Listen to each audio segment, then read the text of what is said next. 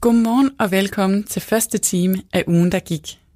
Mit navn er Lene Grønborg, og jeg har gjort mit bedste for at vælge ugens highlights ud til dig. I denne første time får du tre bidder af programmet Småt Op med vært Jens Folmer Jebsen. I programmet finder han de mindste nyheder i mediestrømmen, eller ser på detaljerne i de store historier. I denne uge handlede det blandt andet om musik i 80'erne, sædceller og masser af skinke.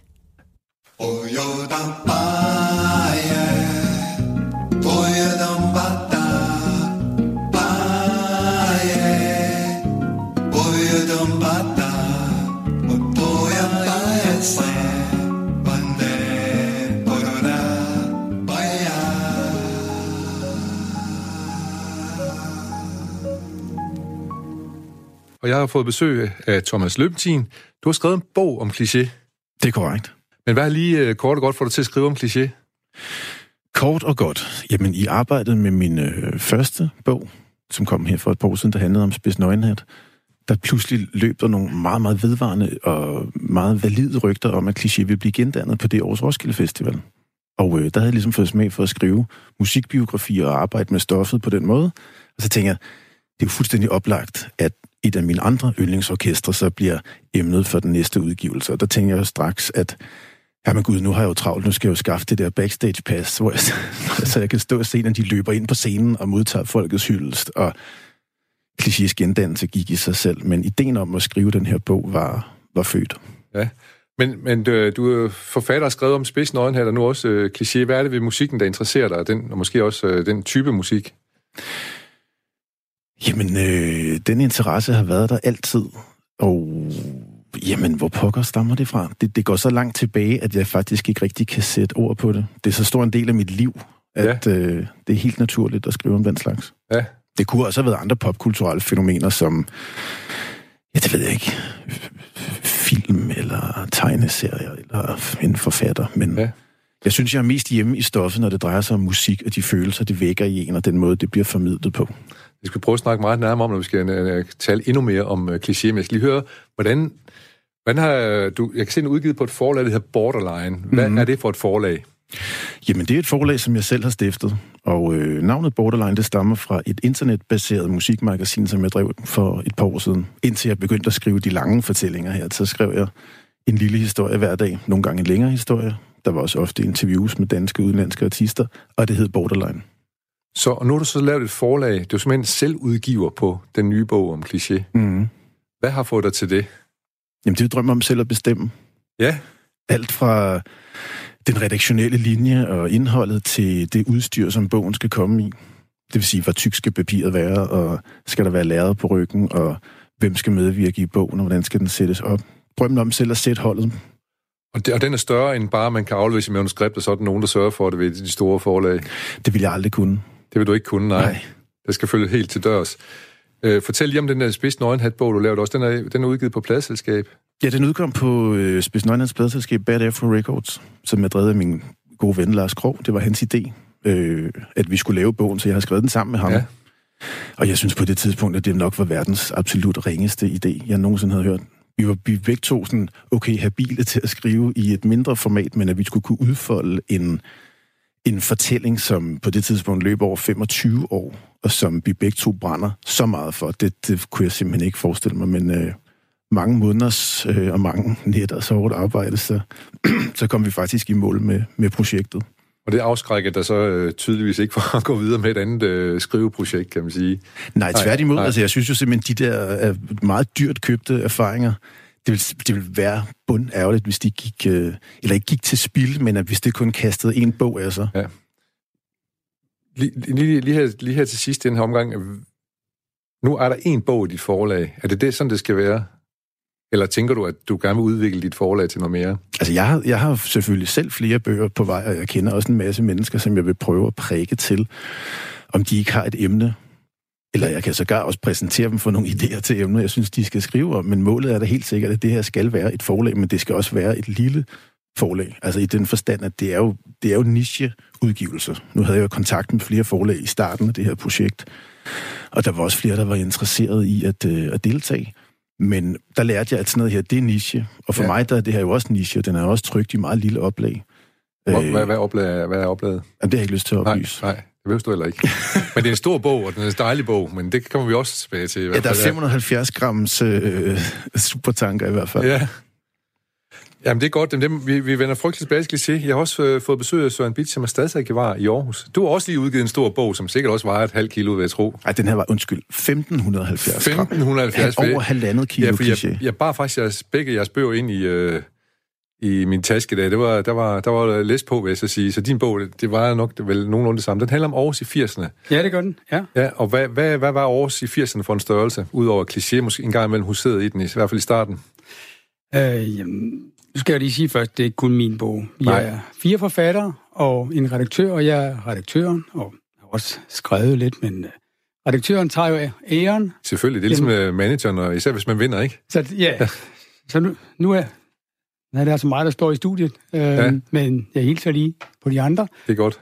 Aarhus i 80'erne, det var sådan lidt et drømmeland for mig personligt. Øh, jeg er født i 69, så jeg stod der midten, i midten af 80'erne og skulle finde et sted og, og blive voksen. Og når man skal finde sådan et sted, og, og som jeg bor ude i provinsen, ikke bare Aarhus, men endnu længere ude, et andet sted i Jylland, så var det, så var det Aarhus, man kiggede imod. Så øh, af mange gode grunde, men der var der skete et eller andet i Aarhus, og det har noget at gøre med musikken, og så har det noget at gøre med en særlig øh, Aarhus-ånd.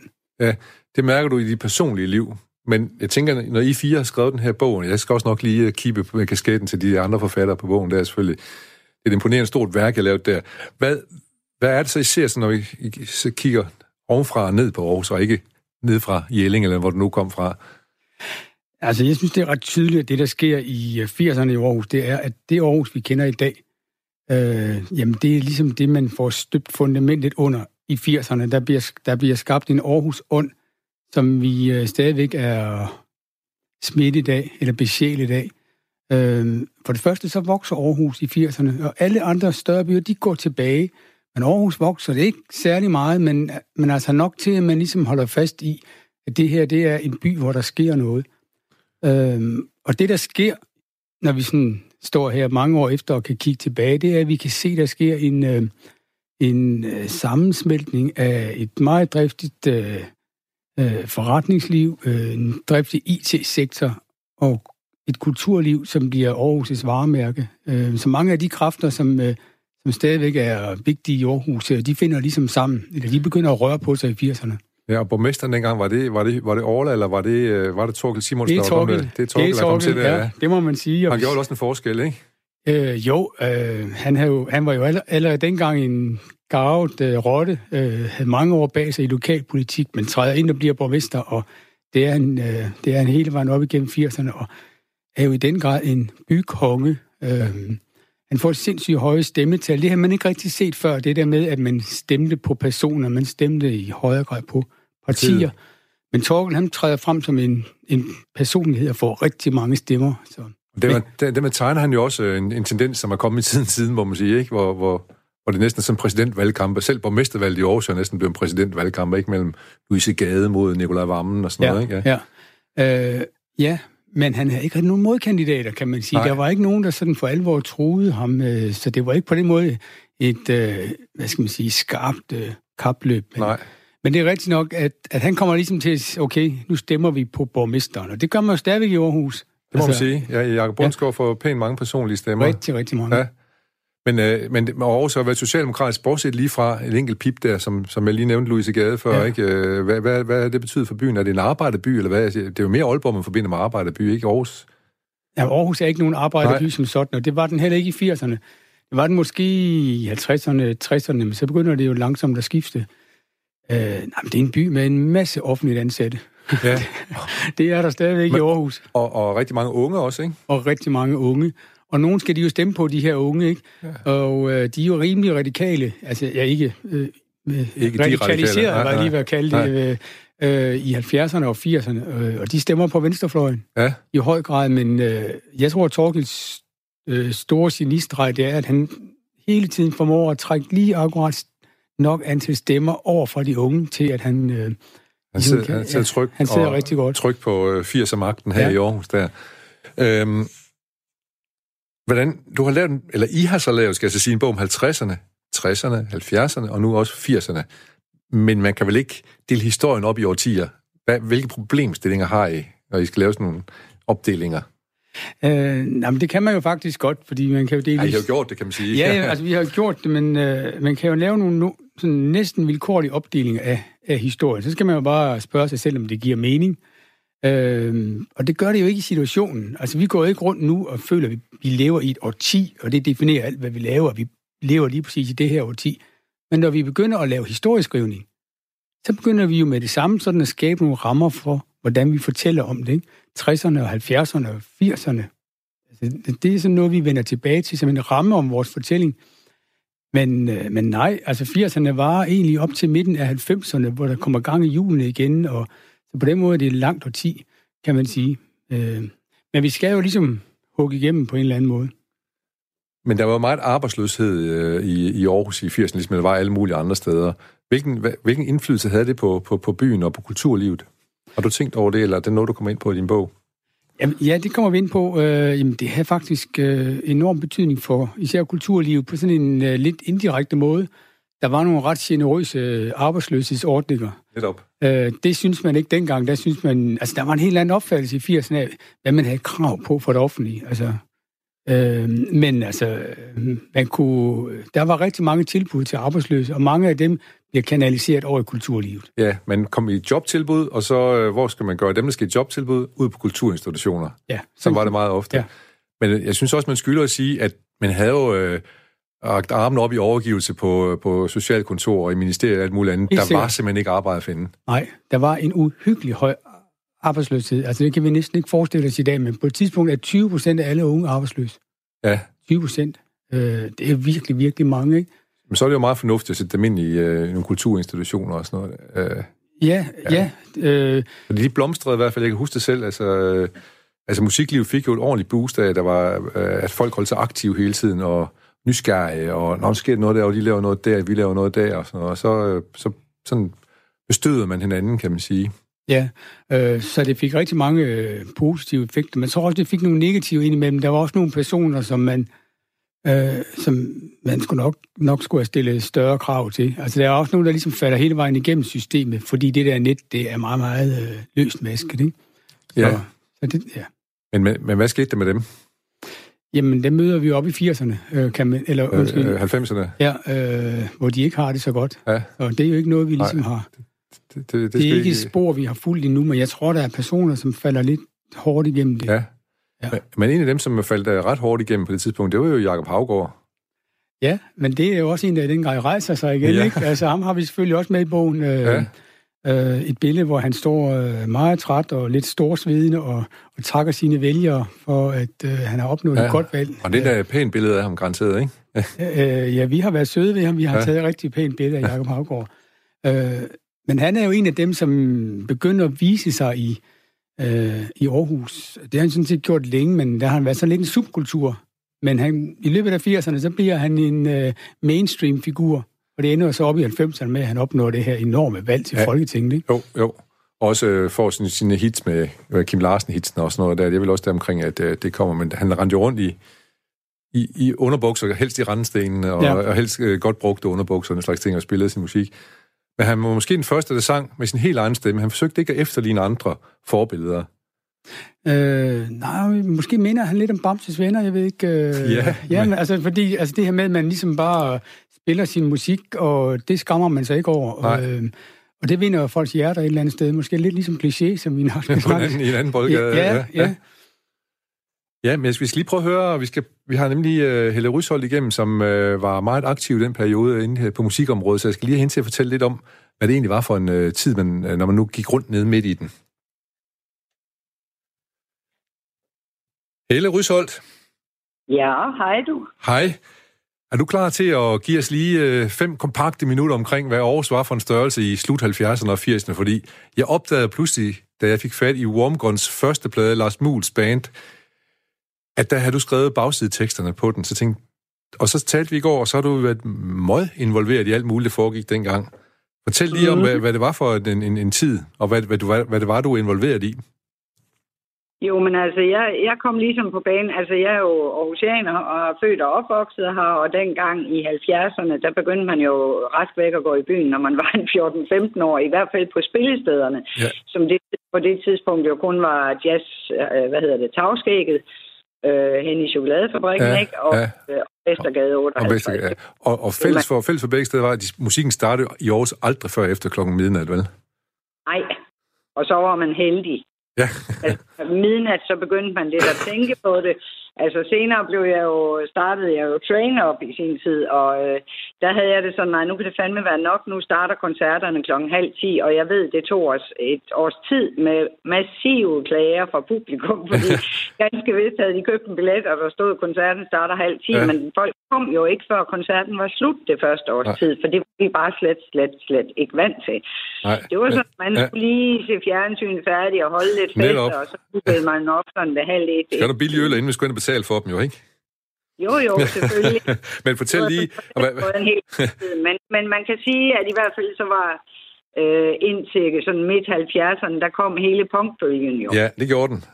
med fuld øh, knald på, Med- og den kom jo også til at præge øh, musikmiljøet og scenerne og, og i det hele taget alt sådan kulturaktivitet for Ja, yngre her, ja, her og- i byen. ikke? Og, og det fik også, øh, de fik jo faktisk et blad, som du var med til at lave, det hed DB 110, ikke? som ligesom samlede øh, den, den nye bølge, der kom. Hvad var det for en bølge, og hvad var det for et blad? Jamen, øh, DB110, det var sådan set et meget undseligt lille blad, fordi det var jo noget, vi lavede. Jeg lavede det blandt andet med Anders Rov, som var anmelder på Information på det tidspunkt, og Al Jones, som øh, var, var meget inden for verdensmusik, som også var et nyt begreb på det tidspunkt. Det var sådan primært reggae, man bevægede sig rundt omkring der, men det var jo verdensmusik på en eller anden led, ikke? Mhm. Og vi, øh, vi havde jo, var der, var der et musikmagasin, der hed MM, det må du kunne huske for mig. Det kan du tro, jeg kan. Ja, ja, ja. Jørgen Gæsted. Ja. Ja, lige nøjagtigt, ikke? Og det var jo simpelthen det ledende musikmagasin på det tidspunkt, men de tog jo stor afstand fra Sex Pistols og Lost Kids og, og alle de der ting, vi andre lige pludselig synes var vildt spændende. Så derfor var der et hul. Der var ikke nogen, der gad at skrive om det her. Anders han skrev lidt om det i information, men ellers så var der ikke rigtigt. Så vi var en 4-5 stykker, der satte os sammen og sagde, at vi skal fandme øh, lave et blad om lige nøjagtigt den her bevægelse, og det må også godt være tilpas øh, halmet, fordi sådan var det jo også ja. at det var jo protest og ned i, og håret stod op. Jamen, og, det, var vel, det var vel punk på alle mulige måder, ikke? Eller hvad man skal sige. Ja. jo, det, Ja. jo, ja. var det, og det, og det var jo også stort i Aarhus, kan man sige, fordi vi havde jo allerede der i 70'erne og starten af 80'erne et rigtig, rigtig solidt øh, musikmiljø i byen. Ja. Øh, Thomas Helmi var rigtig ung dengang, og der var Anne Linnet og Shit og Chanel, og der var Knacks, og der Ja, var alle ja, ja, ja. Sådan, øh, relativt store danske musiknavne på det tidspunkt, men de var jo slet ikke med på det her. Nej, Derfor så var vi jo sådan nogle nye, hvor Lost Kids, Cliché, der var nogen, der hed Slim. Der var sådan en hel, hel undergrund. Gylde. Af, og gylde. Ja, altså, der var jo et, et hav af.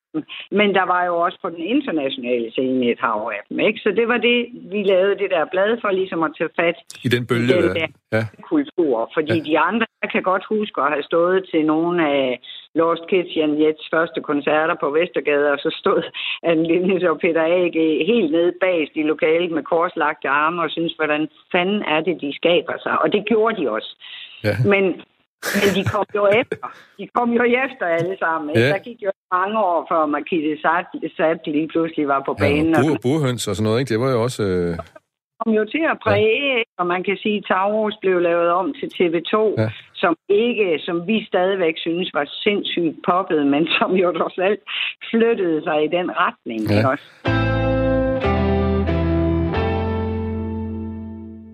Ja, vi skal begynde med noget, der er meget småt. Det er så småt, at man ikke engang kan, jeg i hvert fald ikke kan udtale den måleenhed, som videnskaben bruger, når de skal måle enheden. Vi taler om noget, der er så småt som 0,05 mm stort.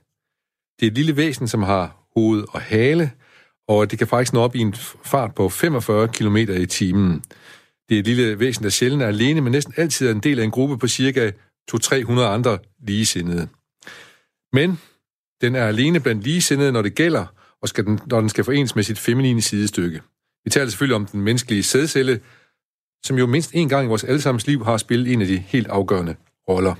Ja, vi har også besøg af Michael Nielsen, som er donor. Du er 25 år og har en, er gift og har en dreng på to år. Ja. Øh, jeg skal lige høre, at vi fik at vide, at man, man, man skriver brev, inden man bliver sæddonor. Sådan et brev må du også have skrevet så. Ja, det, ja, det har jeg. Og, og hvad, hvilke overvejelser gjorde du, da du skrev det brev, øh, hvad du skulle skrive i det?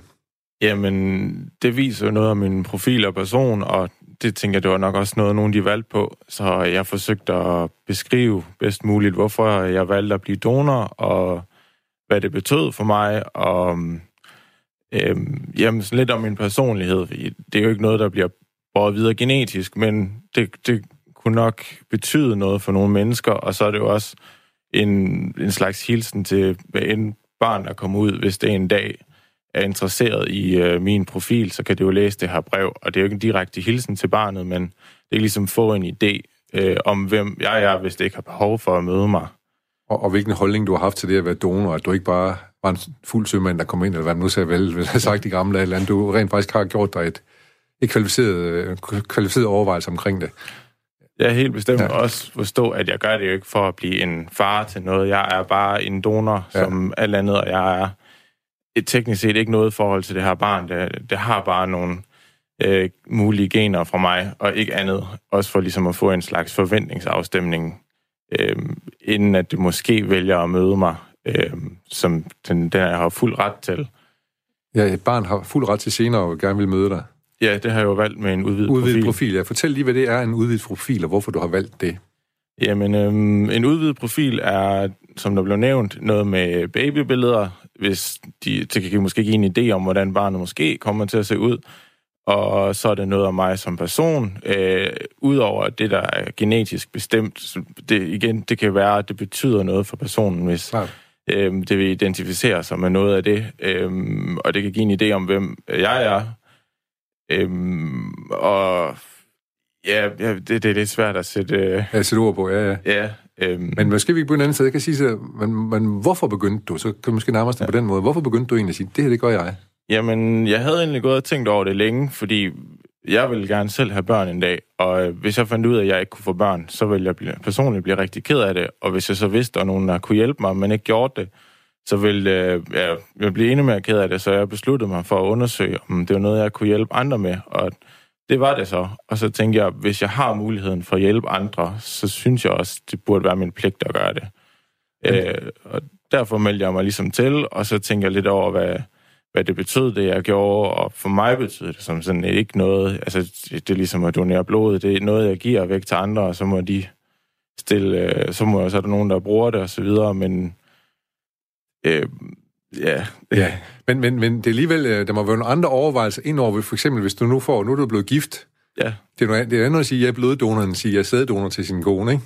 Ja, jo, øh, det gav det også lidt øh, ekstra betydning for det, jeg gør, især også fordi jeg har fået min eget barn nu. Ja. At jeg ligesom, jeg ligesom ser, hvad det er, jeg bringer ind i verden, øh, selvom at jeg bare donerer noget, men det har ligesom en betydning, det jeg gør, det har en værdi, øh, og det betyder rigtig meget. Altså, øh, jeg elsker min søn over hele verden, og jeg, jeg, jeg er så lykkelig over at have ham, og jeg tænker, at den, den lykke må jeg jo ligesom give andre. Og det gør ligesom, det har en ekstra betydning, hvor før jeg fik mit eget barn, så jeg tænkte, det, det var en god gerning, det var sådan mere var det ikke, men det har ligesom en meget større værdi, det jeg gør nu. Ja. Altså, prøv lige at sige lige igen, hvad, hvad, hvilke, hvilke, hvilke samtaler havde du med din, din kone om det her? Jamen, hun foreslog faktisk ret tidligt, øh, om det ikke var noget, der skulle gøre sjovt nok samtidig, mens jeg sad og undersøgte det. Hvor øh, hun havde hørt det i radioen, hvor jeg sagde, jamen det er faktisk noget, jeg undersøger. Øh, om hvad hun ville sige. To sjæle, en tanke der. Ja, jeg spurgte, hvad hun ville sige til det, og hun ja. sagde, at hun synes, det var en fantastisk god idé. Ja.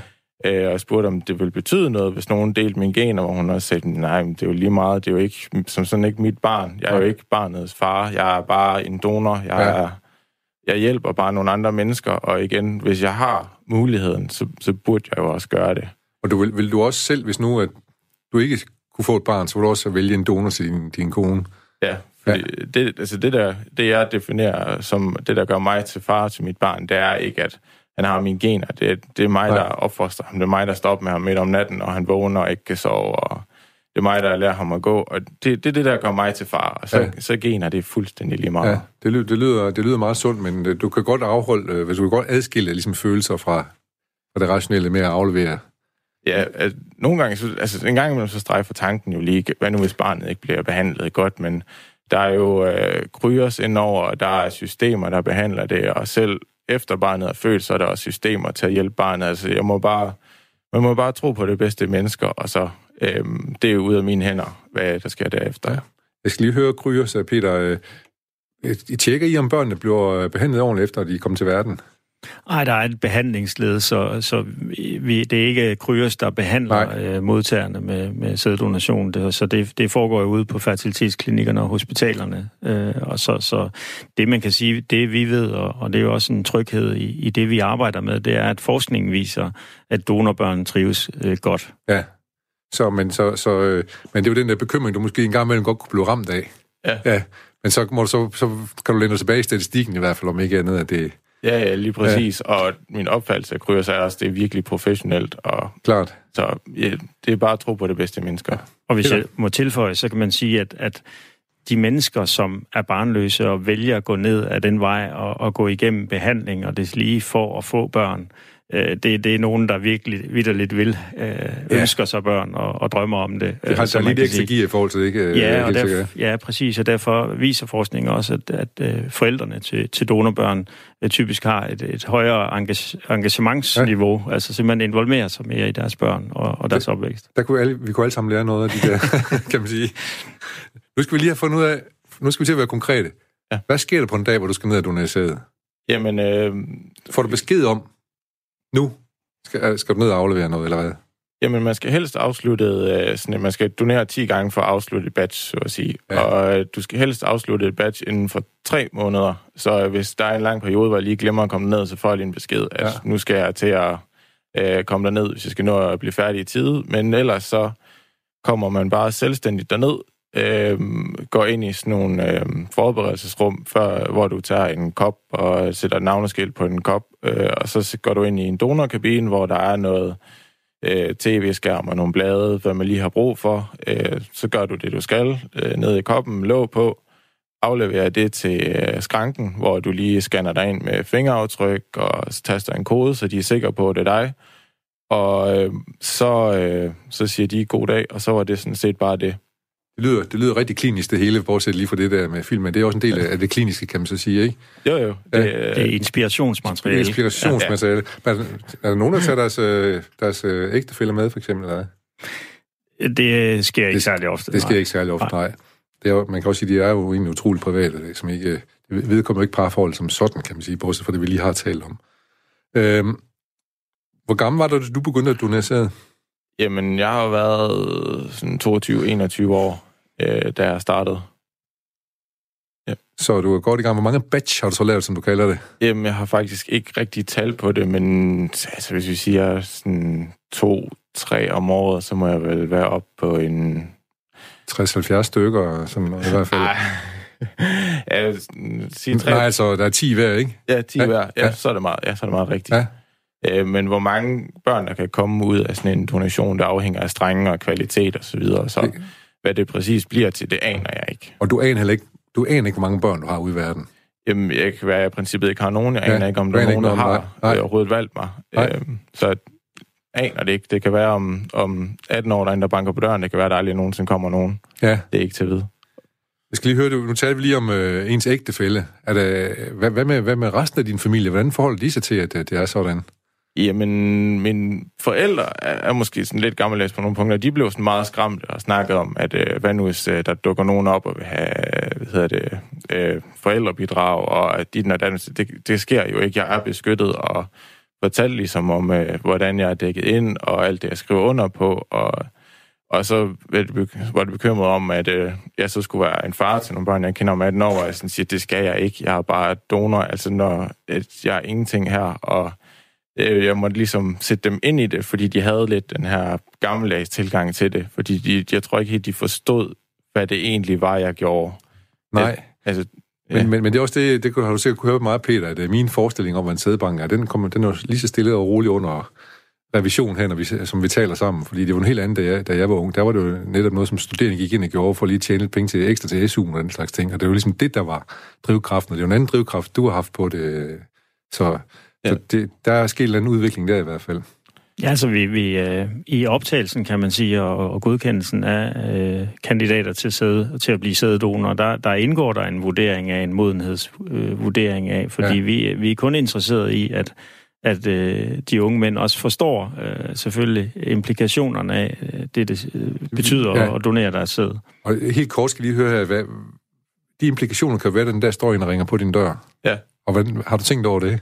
Jamen, der tænker jeg, at det med en udvidet profil var fantastisk, fordi så har jeg jo ligesom afleveret det brev, så de har en forventning om, hvad det er, jeg forventer, så de ikke banker på og har et forkert billede af, øh, hvad jeg skal til at være, hvor at jeg forventer, når de banker på, så vil de måske bare vide, hvor det er, de kommer fra, hvis de har nogle spørgsmål, især nu i dag, hvor identitet er så vigtigt, hvis det er noget, de, har, de, de føler kan hjælpe dem. Og så det, det er lidt det, jeg ser min rolle, at stille, hvad hedder det, svare på nogle, ja. nogle spørgsmål, nogle tanker, de måske går og kæmper med. Det håber jeg, jeg kan hjælpe med, men det er jo ikke til at vide. Nej, men du tænker ikke lige, øh, nu skal vi til at holde jul sammen og sådan noget lige her. Nej, nej, nej. sådan er det ikke. Overhovedet ikke. Det er godt.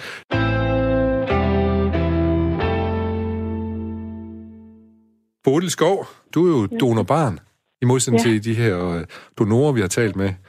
Hvornår fandt du ud af, at du var donorbarn? Øh, jeg fandt ud af, at jeg var donorbarn, da jeg var 14 år, øh, i forbindelse med min forældres skilsmisse, hvor min mor fortæller mig det. Ups. Ja. Ja, ups. Ja. Hvordan var det? Jamen, øh, det var selvfølgelig ikke særlig rart. Altså, den følelse, den kan jeg huske i dag meget tydeligt, det er ligesom, jeg bliver skåret midt igennem fra hovedets top til, til min tær.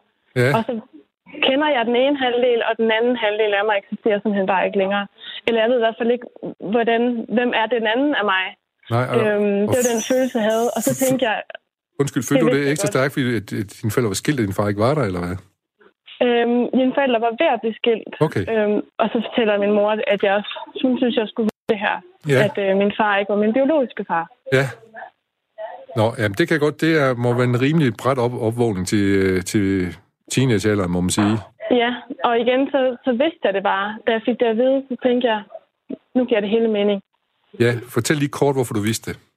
Jamen, det var, altså, når man er barn, så vokser man jo op og stiller en hel masse spørgsmål om, hvorfor jeg ser sådan ud, og hvorfor jeg har mors næse, og jeg har min fars, øh, ved ikke, sådan noget. Altså, den der genkendelse ja. og identitetsdannelse, man ligesom gør sig, når man vokser op for barn og skal blive voksen, og man stiller en masse spørgsmål. Ja. Og der har jeg bare hele tiden kunnet se, at jeg ligner jo ikke min far udseende. Og så har jeg jo fået at vide, at jeg ligner min mor udseende og min fars sind, og sådan er min del. Altså, når jeg ligesom arvede det for dem.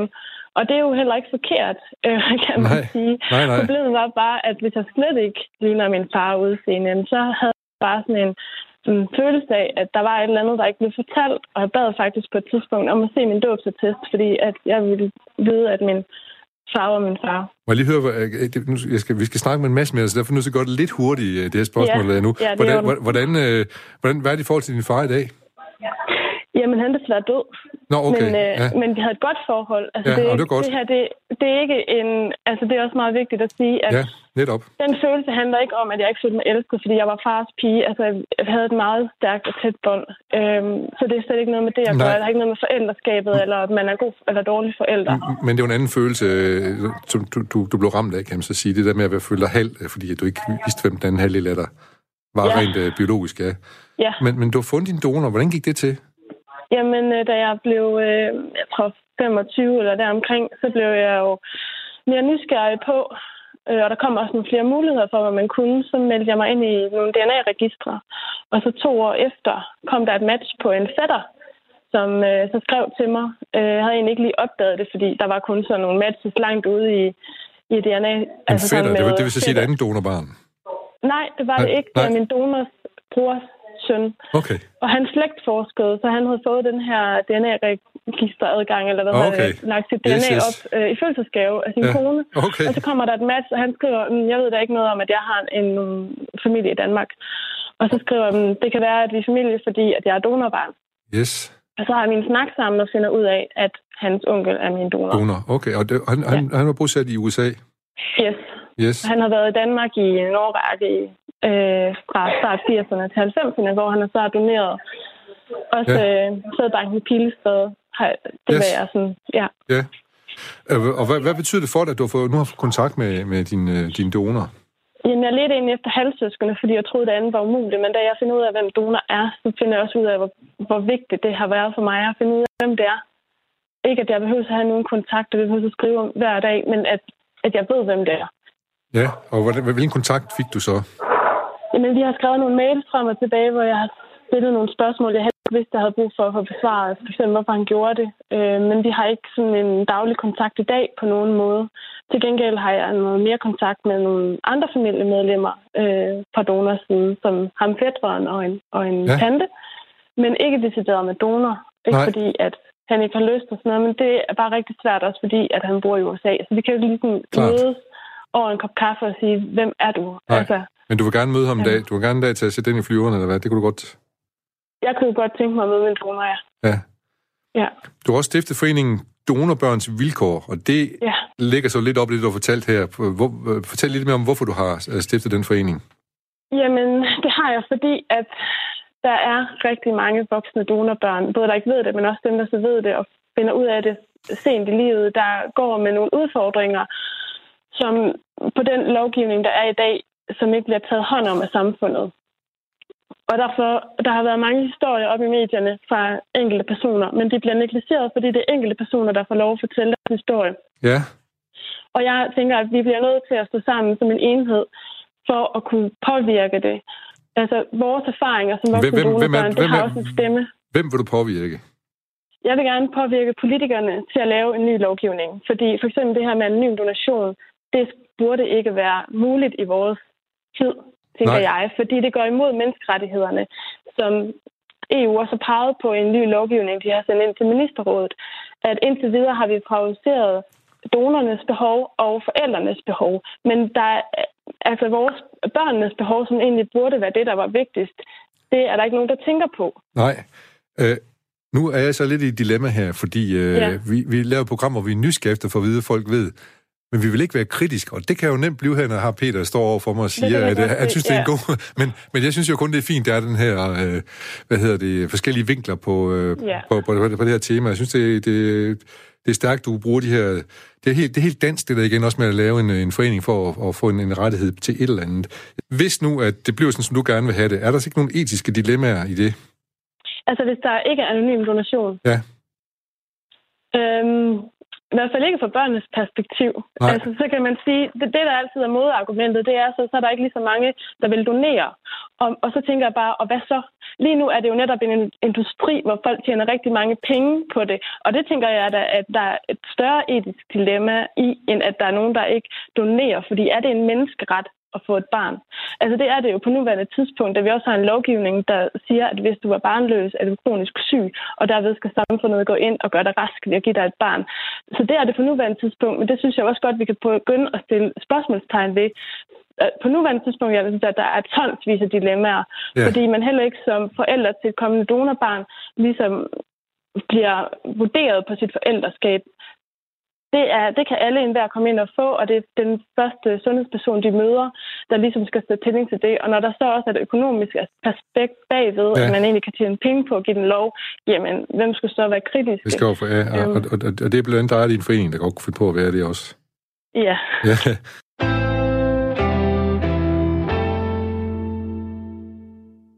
Ja, og vi begynder at vanetro med en lille ting. Jeg står med den her i hånden, og den er den er lidt større end den sædcelle, vi talte om i går, men den er ikke ret meget større end, vil sige, det yderste led på en finger. Det minder mig lidt om Shirba Sharp. Den er grøn, og den er rød, og så har den sådan en lille hat på. Og øh, det er en, du har haft med hjem, Jimmy Holm fra Spanien. Hvad er det for noget? Jamen, det er en af de her famøse øh, bejotas, eller æren, øh, som vi siger på dansk. Øh, det er faktisk det, som øh, de små grise render rundt og spiser øh, cirka fra august til, til nytår, øh, hvor de så render rundt og spiser det her, den her specielle type æren, som er lidt mere aflang og lidt mere slank, end det vi kender herhjemmefra. Ja, det ligner ikke noget, jeg kan finde ud i skoven i hvert fald. Ikke den her type, nej.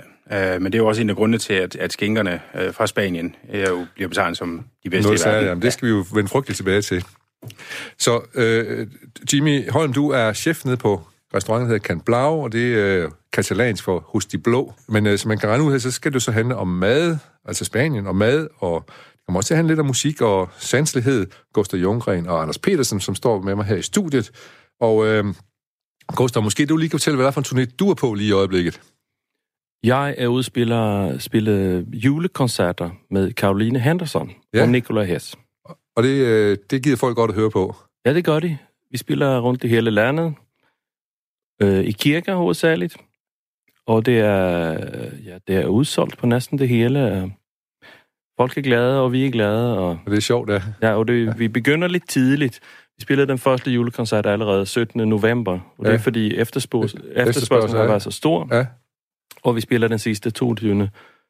Nove- øh, december. Godt, så I også to... en hold god juleaften. Hvor mange koncerter var du ved at sige? Jeg ja, det er 42 koncerter. F-U-C-K. Nu ja. vil jeg ikke lige bande her, men det vil jeg, kunne jeg godt finde på at sige.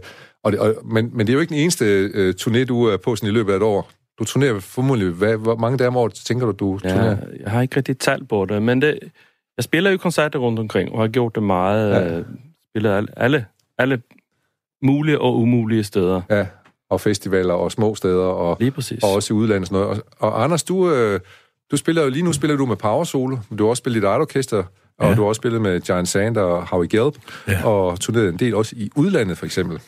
Mest i udlandet, faktisk. Ja. Og øh, lige kommet hjem fra Holland og Nordfrankrig med Power Solo. Ja. Og, og det er også noget, vel i USA jo, ikke? Med, med, med, både med Power Solo og Giant ja. Sand også, ja. Ja, ja. Ja, meget. Altså,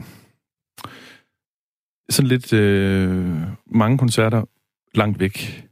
Sådan altså sidste år, tror jeg, det blev til 120 koncerter. Og det måske nu må, 95 nu må, i, i udlandet. Ja. ja. I må så gerne afbryde hinanden nu, for nu spørger hvad laver I egentlig, når I, I har så mange dage væk? Hvad, hvad, hvad laver man som turnerende musiker? Sidder man på sit hotelværelse og spiller, spiller øh, spil, eller hvad gør man? Jeg øh, kan godt lide at udnytte øh, at opleve noget der, hvor jeg er. Ja.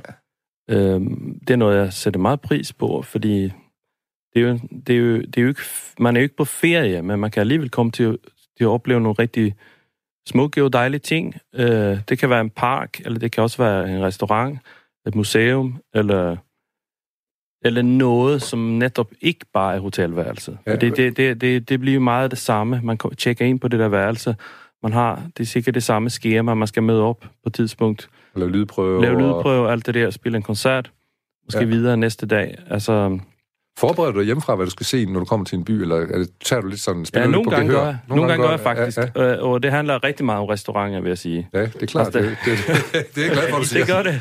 Det er, med, det er med at komme ud og besøge nogle gode restauranter, når ja, man har mulighed for det. Ikke? Og, og det kan også være, det, det er fordi, jeg har haft så gode erfaringer med, helt uventet komme steder hen, sidde på en, en lille café i Køln, Sydney, Reykjavik, jeg har haft bare så Aarhus. virkelig...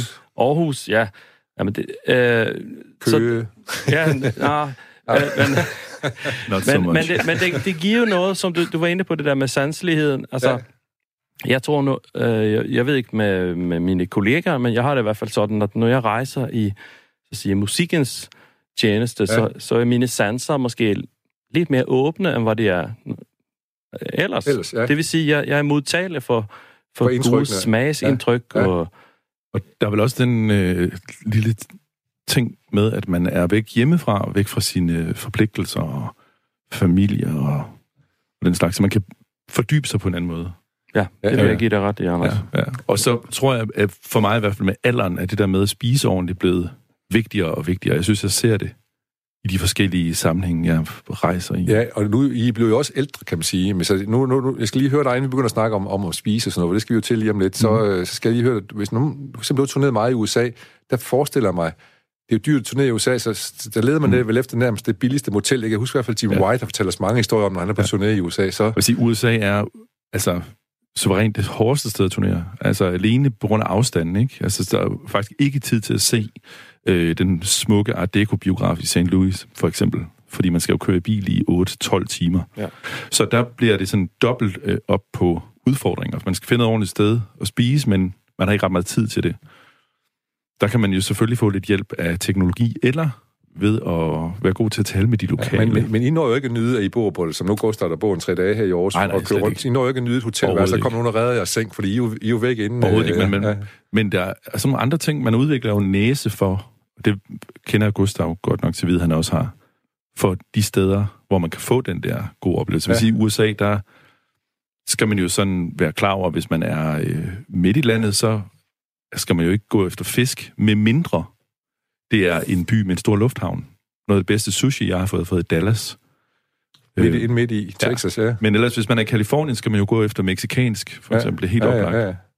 Okay, så man lærer tricksene, når man sådan uh, går... Ja. I burde jo lave nogle små bøger, hvor man skulle spise, når vi har ja, andre det, i, det, har, uh, det har jeg, talt, jeg har tænkt på det meget. Ja. I Sverige, øh, også hvor jeg har spillet meget, øh, musikerne, de, de ved, hvor man kan køre ind ja. øh, og få et godt måltid. Ja. Altså, i Sverige er det jo noget længere afstand imellem byerne end i Danmark.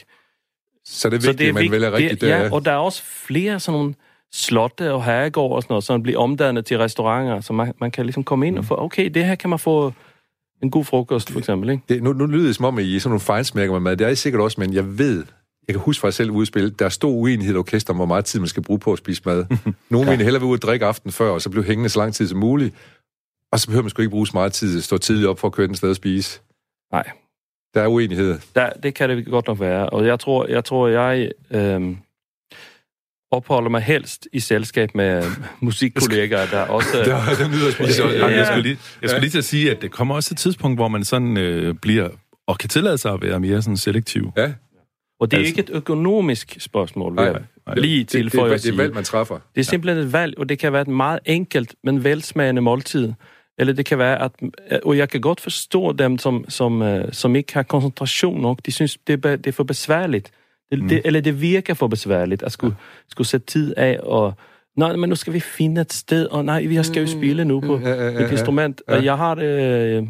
Jeg ved det, jeg ved, jeg ved det ikke. Altså, Nej. jeg synes ikke, det forstyrrer mig. Nej, tværtimod jo, kan man så sige. Ja. Ja, Men det er jo også, hvis man øh, går efter den oplevelse, så gider man jo godt gå 100 meter ekstra og rundt om hjørnet, for at se, om det der sted, man har hørt om, yes. skulle være der, ikke? Det er klart.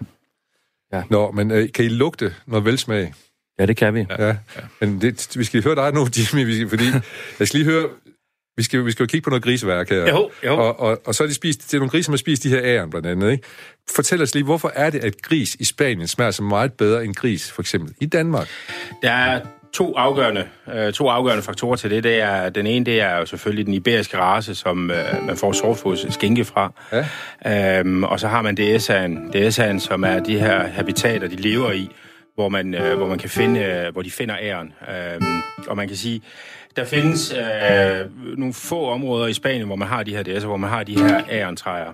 Øhm, det ene det er omkring Girona, hvor vi får den første skænke fra. Øh, et lidt atypisk sted, fordi at, øh, det er faktisk det eneste sted i den nordlige del af Spanien, hvor man har jeg, jeg, jeg, jeg afbryder lige ganske kort, fordi der kommer sådan lidt spansk klingende musik ind over her. Det, det, det, det er rigtig dejligt, ja. ja. Men jeg, jeg, det gjorde måske ikke helt hørt. Der findes to forskellige, nogle forskellige grisetyper ja. i det, du typisk laver serrano på, det er Duroc-grisen, ja. eller Duroc-rasen. Og så har du den iberiske øh, gris, øh, som man så laver sovfodskinker på. Og man ja. har så efterhånden begyndt også at, at lave blandingsraser. Så den første serrano vi faktisk kan spise, er øh, delvist øh, iberisk øh, DNA. Øh, men men en, en, en, øh, en, en Duroc-gris behøver ikke være dårlig? Nej, for pokker da. Uha, uha, uha. Nej, og, og... nej, nej, nej, nej, nej. Duroc-grisen er fantastisk. Importeret ja. fra USA i 1860 på grund af dens fantastiske evne til at blive saltet og tørret. Ja. Så det er virkelig, virkelig et godt stykke, øh, stykke ja. kød. Ja. Øh, men det kan ikke helt måle sig med, med den iberiske, øh, iberiske race, den iberiske DNA. Øh, man har også prøvet at reproducere øh, de her grise andre steder i verden, øh, men jeg vil næsten sige, at de dør af sorg, ja. øh, for de kan faktisk ikke, det kan ikke lade sig gøre. Men det skyldes øh, leveområderne, det er sagen, hvor de finder ja. de her øh, æren, som de som, har med som i dag. Og, ja. den, og de her æren, dem skal vi så høre om uh, Gustav og Anders, de kan smage i skinken jo. Ja, jamen øh, så synes jeg da bare, at vi skal kaste os ud ja. i det. Uh, der er jo det, når, når, man, uh, når man spiser skinke, så er det jo meget, meget vigtigt, at uh, nu har jeg lidt, lidt lækker skinke her foran mig. Uh, det, der er vigtigt, det er, jeg siger, jeg anbefaler altid, at man spiser det uden bestik, så ja. at sige. Så man bruger sine fingre. Og det gør man blandt andet, uh, nu skal jeg prøve at se, om jeg kan, jeg kan gengive det her, men man skal simpelthen dufte til den, og man skal føle den, man skal ligesom kærtegne den, og man skal nusse den lidt, fordi så får man faktisk den her fornemmelse af, at, at det ikke kun er det hvide kød, øh, der er fedt, det kalder jeg fedtet, det ja. hvide kød, ja. øh, men der findes faktisk også masser af smag og saft, så at sige, i, i det røde kød, så at sige. Øh, så når jeg har, har gået og, og, og nullet den lidt, og kærtegnet den lidt, og duftet til den, øh, jeg mener faktisk, det er bedre end aloe vera, så jeg kommer det også gerne typisk bag, bag ørerne, lige for at, ja. at gå og dufte til det. Og det er derfor? Ja. ja. Men så sker der så lidt Ja, nu, snakker, jeg jo med mad i munden, og det er jeg godt... Det må du gerne i det ja, program. Ja, men det er simpelthen fantastisk, fordi der er to faktorer til, at vi skal arbejde godt med det inde i munden. Vi skal sutte på den, vi skal slikke på den, vi skal køre den rundt ind i hele munden. Jeg plejer altid at sige, at jo længere tid vi har den i munden, jo større belønning får vi. Uh, ligesom med mange ting i livet. Ja. Men vi kan langt det er, for det første, det, det er dårligt for vores fordøjelse. Det er usundt for os, hvis ikke vi tykker nok på det.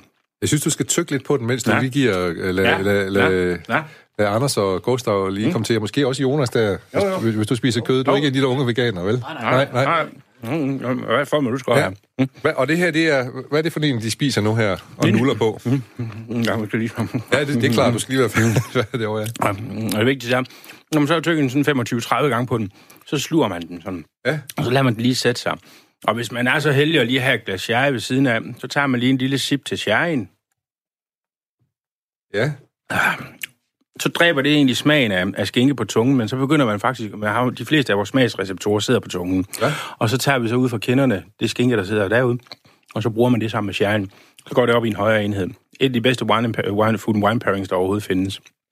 Skinken, I får her, den første, det er en uh, Serrano-skinke fra Girona. Den er minimum 30 måneder gammel, og det er altså, hvor lang tid den har fået lov til at tørre. Det er ikke en 30 måneder gammel Nej. gris. Um, og den har en helt, helt speciel... Um, Jimmy, der er lige en af mine kolleger, der vil jeg gå. Hende lovede, hun må smage et stykke skinke. Kan du ikke lige åbne døren, jo, og så siger hun, jo, kom jo, ind og smage? jo, jo, jo, jo, jo, jo. For Jeg synes også, øh, når man laver sådan noget her, og serverer den her slags ting, så skal man også, øh, må man gerne vælge sin rød. Det er jo, en- det er jo en fest. Det er jo en herlig, herlig, herlig Ja, ja. fest. Øhm, Vi mangler lidt... Øh, hvad er det for noget sherry, øh, du skænker nu til Gustav? nu har vi øh, et lille hus, vi arbejder sammen med, Bodegas øh, Soletta, som ligger nede i San Luca di Barrameda. Øhm, det er typen Amontillado. Altså, øhm, så det er, det er en, en, en, en, beriget vin, så at sige. Øhm, den er lidt stærkere end en, en, en typisk øh, klassisk vin, så at sige. Øh, men et unikt produkt selvfølgelig også kun ned fra, fra området omkring Redat. Ja, men Ja, ja, de, de, kan jo noget, der Hvad siger du, Hvis jeg Gustav? må gribe ind, altså jeg er jo på turné, Ja. og mine sanser er måske mere åbne, end hvad de plejer. Så jeg, jeg må sige, jeg nyder det mm. rigtig meget, det her. Du går lige en skænke her. Ja, det kan jeg godt Ja, men, Ja, men ja, ja. heldigvis så har vi jo fire forskellige skinker med i dag, så nu går vi videre til den næste ja, skinke. men vi skal lige, jeg skal lige høre Gustav. Han skal lige, kan du smage æren? Fordi ja. Æren, der var udgangspunkt for alt det her. Nu ved jeg jo ikke, hvordan æren smager helt. Nej. Men at- altså, jeg vil gerne tænke mig til det. Hvor, hvor meget Ja, de her griser har det, mødt det, man skal lede efter, det er jo selvfølgelig det salte. Mm-hmm. Øh, kødsmagen, så at sige, som er lidt sød, når det er gris. Øh, så har du selvfølgelig dybden, øh, fundamentet i fedtet og så videre også. Og så har man så den her nødesmag. Og der, hvor vi egentlig startede med den her serrano som jeg betegner som en af de bedste serrano jeg nogensinde har smagt. Jeg har spist mange. Det kan man også se på min størrelse og min figur. Øh, men, men det korte og lange, det er, at øh, det, det, nu går vi over til den næste skænke, og der bliver det meget, meget mere intenst. Øh, det er en meget, meget yngre skænke. Den er kun 20 måneder gammel, hvor den forrige var 30 måneder gammel. Mm. Øh, men det er Iberico-gris. Så det er 50-75 procent iberisk race. Øh, det er øh, noget så narcissistisk i en skinke, der kalder sig selv Maximum. Øh, men det smager fandme også godt. Ja, men det lyder, det, det, lyder, det lyder som en skinke, som er en, en, en, en trumf, du smider her. Ja, det er... Vi, vi, vi, vi, vi, vi, har lige et par stykker bagefter også, Ja. ja. men, men, men det her, det er en af mine øh, absolute favoritter. Ja. Øhm, Jeg skal, jeg skal lige, øh, jeg bliver nødt til lige, også lige at smage lidt, bare for, Ja. ja. for, for lige at finde ud af, hvad sherryen gør ved ja, skinken. ja, ja. Så. Nej. Ting, som man må smaske på. Mm. Men det er ligesom det, der er processen i det. Det vigtigste er, at man simpelthen smasker, og man beslutter på den og slikker på den. Fordi det nemmeste for os at smage, det er jo fedtet. Det kommer med det samme. Men derefter, så skal vi finde frem til dybden og fundamentet, simpelthen basen i, i skinken. Og det gør vi simpelthen ved at tykke nok på den. Um, jo mere vi gør det, jo større belønning får vi. Ja. Mm. Nå. Kan I smage, der kommer Iberico-gris på her? Ja, mm. Der er kommet lidt mere knald på smagen her ved den første.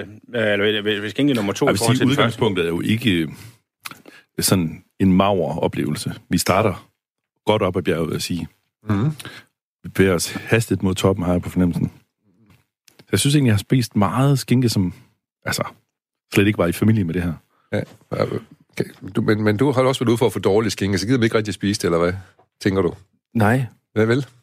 Hvad, hvad? jeg skinke øh, faktisk noget, som jeg som regel holder mig fra. Hvis der ligger et, hvis der ligger et, øh, et koldt bord med, Ja. ja. med mad, så skin, skinke er ikke typisk det. er Det, det, vil, det vil jeg helst ikke tage. Jeg har haft mange dårlige oplevelser med skinke. Men det er sk- dårlig skinke er jo ligesom dårlig musik. Ja, nemlig. øh, En falsk tone. Øh, Det er jo også en falsk skinke, ikke? Altså, det er jo... Det er jo, det er jo Ja, jeg har taget en falske tone med. Nå, må vi høre nogle falske toner? Ja, nu skal så bare måske- høre må, vi høre, Ja. må vi høre en dårlig skinke? Ja.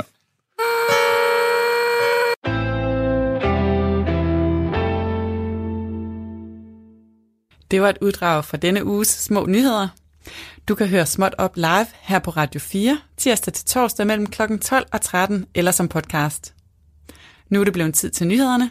Klokken er syv.